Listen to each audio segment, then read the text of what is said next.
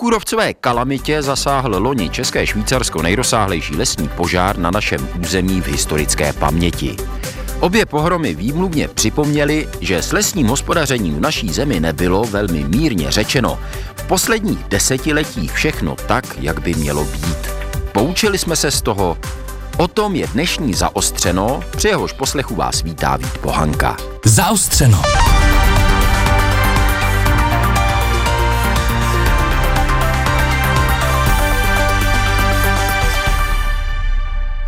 Tak já koukám tamhle, jestli nemám nějak sundat dolů taky.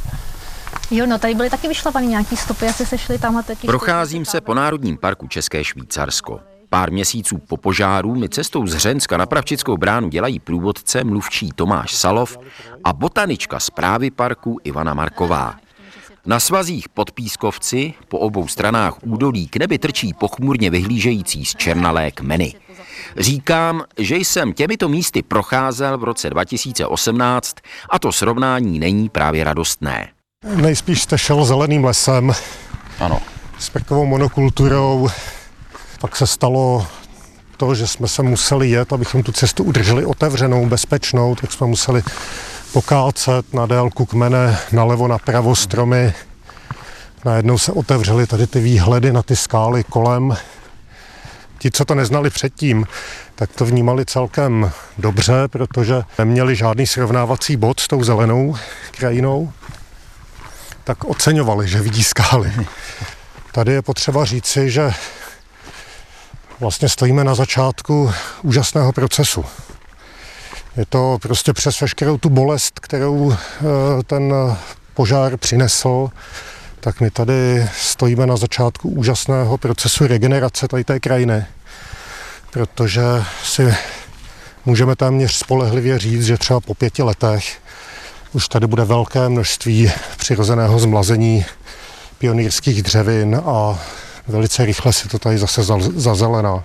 Co se dá čekat, že tady poroste teď, v příštích, řekněme, pěti, deseti a možná dvaceti letech? Budou to nálety pionýrských dřevin, jako jsou břízy, topoly, osiky, vrba jíva, jeřáb. To budou prostě dřeviny, které tu budou převládat a pod nimi za nějakých těch 5-10 let se objeví prostě dřeviny toho budoucího klimaxového lesa, nebo jak lesníci třeba říkají cílové dřeviny, což už pak můžou být nějaké buky, duby, borovice. Bude hodně záležet na stanovištních podmínkách a také na klimatu. Jo. My tím momentálně nejsme schopni zodpovědně říct, jakým dřevinám bude vyhovovat klima za 100 let, tudíž si myslím, že třeba je nezodpovědné cokoliv sázet, protože tu můžou být vyhozené peníze. Botanička Národního parku České Švýcarsko Ivana Marková. Profesor Pavel Kindlman z Přírodovědecké fakulty Univerzity Karlovy se zabývá biodiverzitou. Přirozená obnova lesa je podle něj žádoucí, ale současně varuje.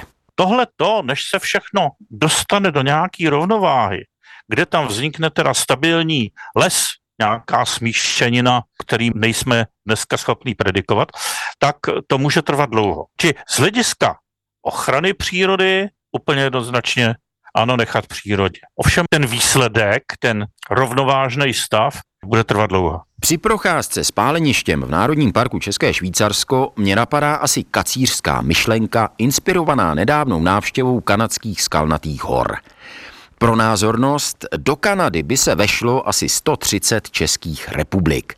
Ponechání lesů v přírodním, člověkem neovlivněném stavu na rozsáhlých územích tam určitě dává smysl – Jenže České Švýcarsko a konec konců ostatní národní parky v naší zemi jsou v porovnání s těmi kanadskými miniaturní. A hlavně jsou obklopené hustě zalidněnou, často průmyslovou nebo už po staletí jinak zemědělsky intenzivně využívanou krajinou – Dává opravdu smysl ponechávat přírodu samu sobě a chránit ji na tak relativně malé ploše, kterou máme k dispozici? No samozřejmě ty naše míry jsou mnohem, mnohem menší než té Kanadě, to je pravda. Ale to, co my chceme chránit, ty malé prostory, třeba to Český Švýcarsko nebo jádrové zóny na Šumavě, tak to jsou unikáty, které v té Kanadě nemají. Tam mají jiný rostliny, jiný živočichy. A tudíž když nám tohleto vymizí a když do toho budeme hrabat a prostě porušíme ty procesy, které to trvají tisíce let, no tak prostě to nebudeme mít. Či z tohohle hlediska to smysl určitě má, že to je naše evropská specialita. To máme jenom my, nikdo jiný. Nezachráníme tím samozřejmě klima, ale to je jako kdybyste chtěl zachránit klima tím, že zavřete všechny umělecké galerie a ušetříte teda jakousi elektřinu, že jo, a řeknete, no a nebudou muset teda uhelné elektrárny tady produkovat skleníkových plynů. No ano, jako něco to zachrání, ale je to tak malinko, že prostě toho v klimatu nepomůže. Tohle to je to tež. Vysvětluje profesor Pavel Kindlman z Karlovy univerzity.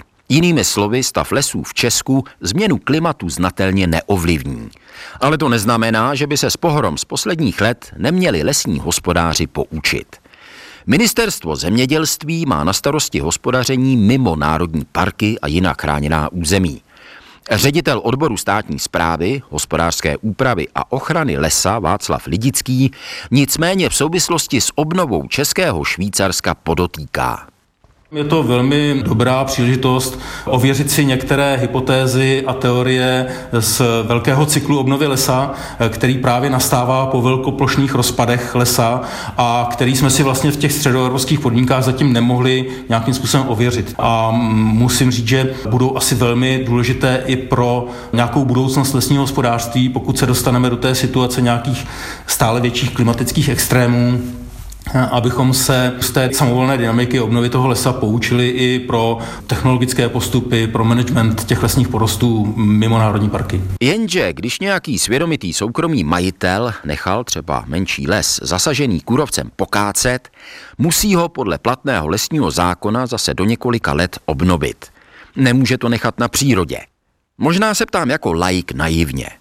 Proč zákon vůbec přikazuje, že hospodáři musí les na vlastní náklady znovu do dvou let vysázet a potom dalších sedm let chránit? Ty lhuty mají za úkol zajistit trvalost lesa a mají za úkol zajistit všechny funkce lesa kontinuálně. To znamená, aby ty lesní pozemky, které jsou i dočasně baveny toho lesního porostu, ať už z důvodu nějaké kalamity nebo z důvodu obnovní těžby standardního postupu lesnického, eh, tak aby nestratili vlastnosti lesního prostředí, aby se ochránila lesní půda, eh, aby se zajistil vodní režim, aby se zabránilo půdní erozi a dalším těm eh, aspektům, které v případě těch dlouhodobých holin jako nastupují jako rizika. Takže v této chvíli je to nastaveno na dva roky. My získáváme nějaké informace z obnovy těch rozsáhlých kalamitních holin, to je pro nás jako velmi dobrý zdroj teďko informací, které jsme vlastně doposud neměli možnost získat díky té jedinečné situaci, která samozřejmě je velmi jako ne- negativní nebo neblahá, ale přináší nám to řadu jako zajímavých poznání, takže v této chvíli vlastně už připravujeme novelu lesního zákona ve spolupráci s, s akademickou sférou a s, s výzkumníky lesního hospodářství. Se budeme snažit nastavit tu lhutu pro tu obnovu v souladu s těmi nejnovějšími poznatky. Eh, takže nevylučuji, že se ta lhuta může trochu prodloužit. My v této chvíli máme nějakou zkušenost s pětiletou lhutou z opatření obecné povahy, které vlastně už čtvrtým rokem je platné. Takže pracujeme s nějakým takovým horizontem do budoucna pro tu novelu lesního zákona. Ředitel odboru státní zprávy, hospodářské úpravy a ochrany lesa Ministerstva zemědělství Václav Lidický. Posloucháte Zaostřeno. Pronikavé analýzy důležitých problémů. Najdete je také na webu plus.rozhlas.cz, v aplikaci Můj rozhlas a v dalších podcastových aplikacích. Pro pohled lesáka s mnohaletou praxí jsem si zajel do Přibyslavy na Vysočině. Jiří Svoboda je ředitel tamního lesního družstva, které hospodaří na bezmála 6 tisících hektarech a je největší v České republice. Jak mi vysvětlil, špatný stav lesů v naší zemi není zdaleka jen výsledkem klimatické změny, ale také dlouhodobých strukturálních problémů českého lesnictví. Mě by zajímalo z vašeho pohledu člověka z praxe, jestli tyhle ty lhuty dávají smysl, jestli ano, tak proč a jestli ne, tak proč ne.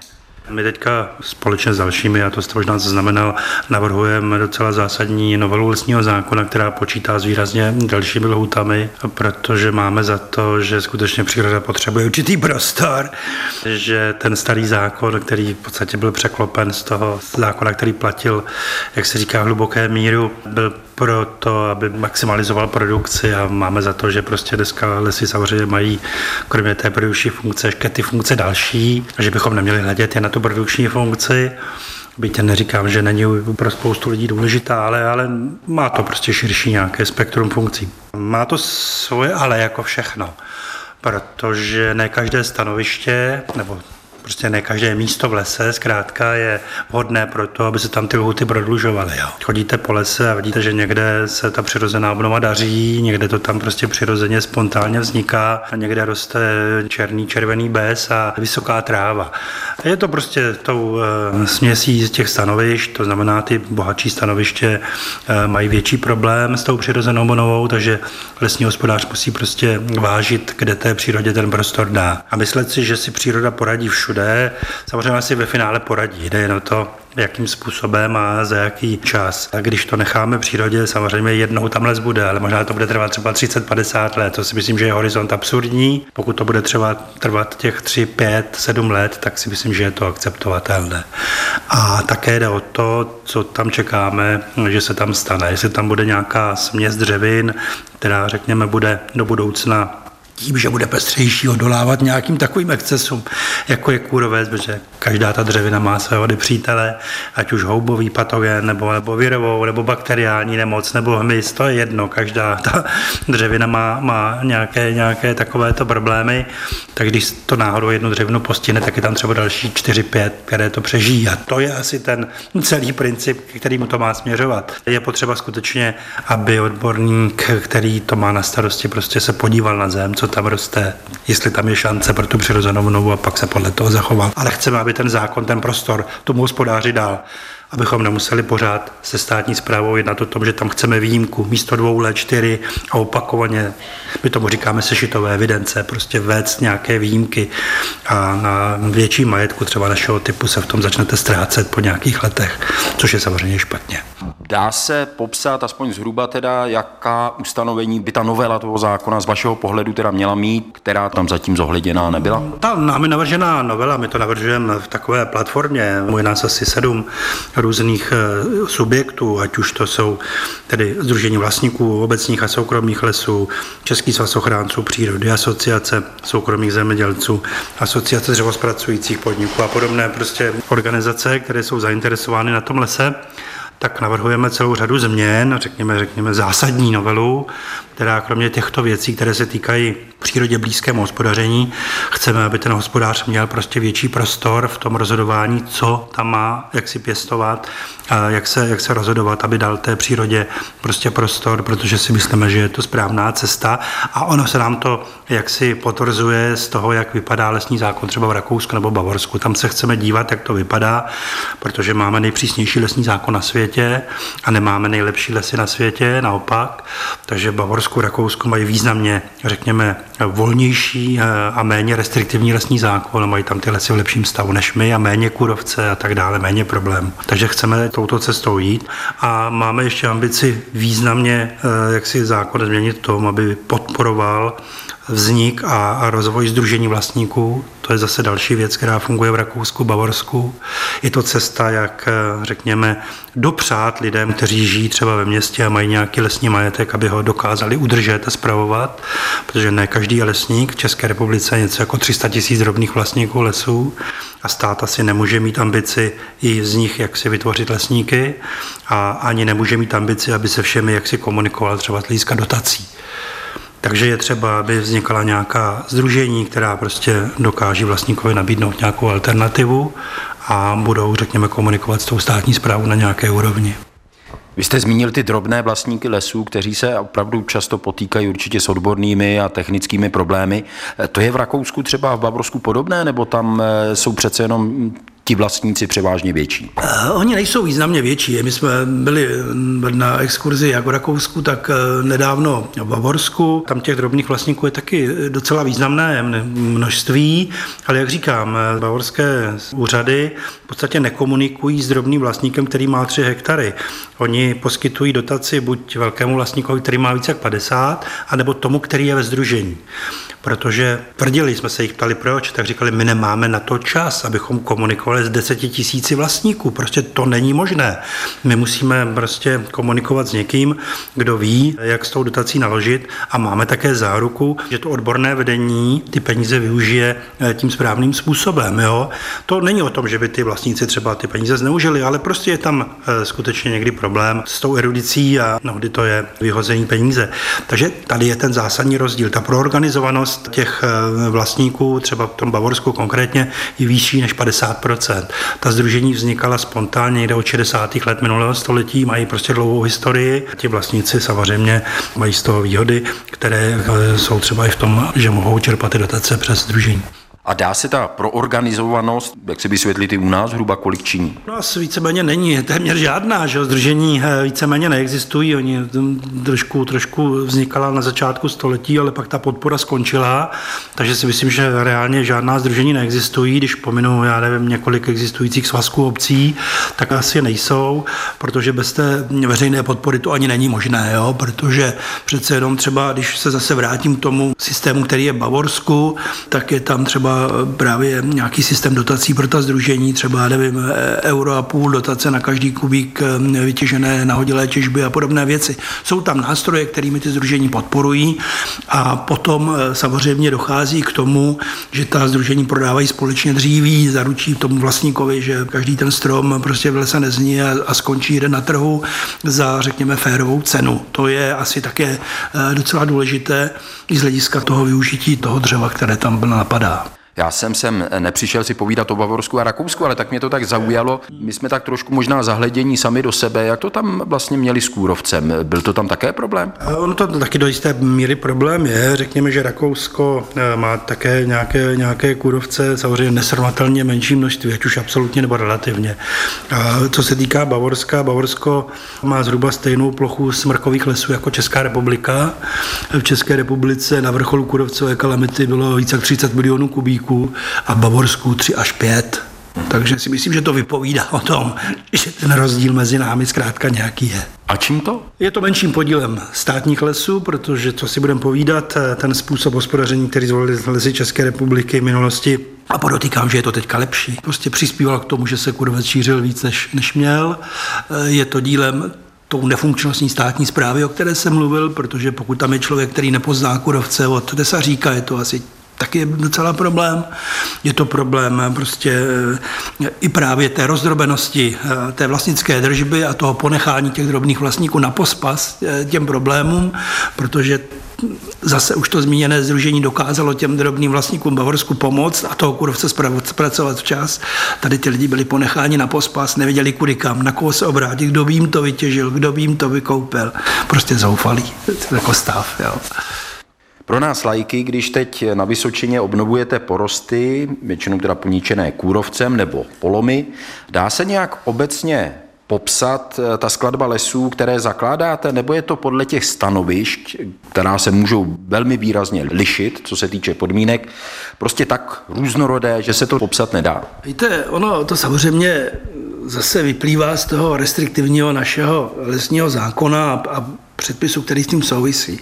V podstatě každé to stanoviště má nějaké označení, nějaké číslo a vyhláška příslušná říká, co se tam má sázet, v jakém množství, v jakém věku a z, z jakého místa původu to má být vypěstováno. Takže vlastník nemá příliš velký prostor na to, aby si zvolil, co tam má dát. Má nějaký výčet dřevin, ale samozřejmě vždycky tam je nějaká jehličnatá dřevina, třeba od těch vyšších poloh a nějaká lisnatá. Takže má možnost si tam volit. Ale samozřejmě každý by měl jaksi se podívat na zem, co tam roste, jaké je to stanoviště z hlediska vlhkosti, expozice a všech těch věcí, které do toho vstupují a rozhodnout se pro tu dřevinu. Rozumný vlastník samozřejmě nesází všude smrk, ale na druhou stranu nesází všude jenom listnáč. Jo? To je vždycky nějaký extrém, člověk měl vážit a dát tam těch dřevin víc, aby také měl nějaký výnos z toho lesa, ale také, aby ten porost měl nějakou stabilitu. Takže my třeba v našem případě lesního družstva sázíme, řekněme, něco kolem 50% smrků, nebo jeličnanů, abych byl přesnější, a 50% jiných dřevin, většinou lisnatých, většinou buk, dub, olš a další dřeviny, které tam na to stanoviště chtějí jak si být. Jo. Ta škála dřevin není jako významně veliká, ale, ale řekněme dostatečná pro to, abyste se nějak rozhodl ale říkám, není to úplně rozhodnutí vlastníka. Je ta přirozená obnova lesa vůbec něčím, co v podmínkách hospodáře lesního vaší velikosti berete v úvahu? Přirozená obnova v našem případě třeba lesního družstva má prostor všude tam, kde má tu šanci. Jo. To znamená, je to samozřejmě nejlevnější a nejpřirozenější způsob obnovy lesa, to znamená, má to všechny atributy eh, toho, co tam jako chce být, tak tam je, a samozřejmě z hlediska té ekonomiky je to významně levnější, protože jestliže na nějakou plochu nalétne, ale nevím, 100 000 sazenic, tak potom není potřeba ani to chránit před zvěří, protože zvěř nemá šanci to sežrat. Když někde sázíte uměle, tak tam těch stromků je třeba nevím, 3 až 5 tisíc a samozřejmě ten vliv té zvěře je tam významně větší. Nechci to srovnat úplně s Československým Švýcarskem. Jste řekl, je to park a tam e, produkční funkce nehraje absolutní roli. Eh, vlastník si nemůže ten komfort dovolit, jeho stát prostě neživí, nemá ten komfort, že mu každý rok přijde na účet eh, od státu nějaká dotace, aby mohl rezignovat na produkční funkci, takže musí trošičku taky zvážit, co se tam jaksi vyskytne. Musí to být nějaká kombinace, jak jsem říkal na začátku. Musíte zvážit, kde ta přirozená obnova chce být a může být a v nějakém reálném horizontu tam nastoupí, pak to určitě je potřeba preferovat. My jsme, řekněme, před kudovcem se pohybovali někde procentu 30-35% přirozené obnovy a měli jsme ambici eh, jak si navyšovat to procento. Teď samozřejmě jsme trošku v jiném stavu jak si rozhodování, takže to musíme eh, dohánět tou umělou obnovou. Sázíme více dřevin, pestřejší směsi, které prostě budou do budoucna odolnější a pokud eh, přijde nějaký exces, tak by neměl, řekněme, zasáhnout tak vysoké procento toho majetku, jako když jsme tady začínali někde s 86% smrkových porostů. To je asi ta budoucnost. Která dřevina obstojí já myslím, že to je informace za milion. Ani ty skupiny vědců, kteří dneska říkají, že tady se posune toho dva vegetační stupně a že budeme tady někde, já nevím, situaci někde středomoří, nevím, jestli se pletou nebo mají pravdu, já nevím. Jo. A oni si možná taky eh, spíš přejou, že to pravda bude nebo nebude. Musíme jak si očekávat, že se může stát cokoliv a musíme být připraveni právě eh, tou škálou těch dřevin. Něco obstojí, něco ne. Zase na druhou stranu, pokud sázíme někde smrk, tak zase jako nemusíme být ambici, že tam musí se růst 100 let. No tak prostě, když to bude vypadat nějak špatně, tak ho vytěžíme v 60 letech a to se nic hrozného nestane, že? takže bychom neměli propadat nějaké panice. Inženýr Jiří Svoboda, ředitel lesního družstva obcí Přibyslav. Nakonec jsem poprosil o názor náměstka ministra životního prostředí Petra Hladíka.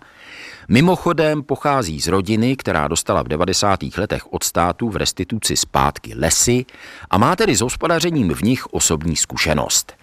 Může kůrovcová kalamita a požár v Českém Švýcarsku přinést v konečném důsledku něco pozitivního? Já se na to zkusím podívat eh, z takových dvou úhlů pohledu. První se týká toho Českého Švýcarska.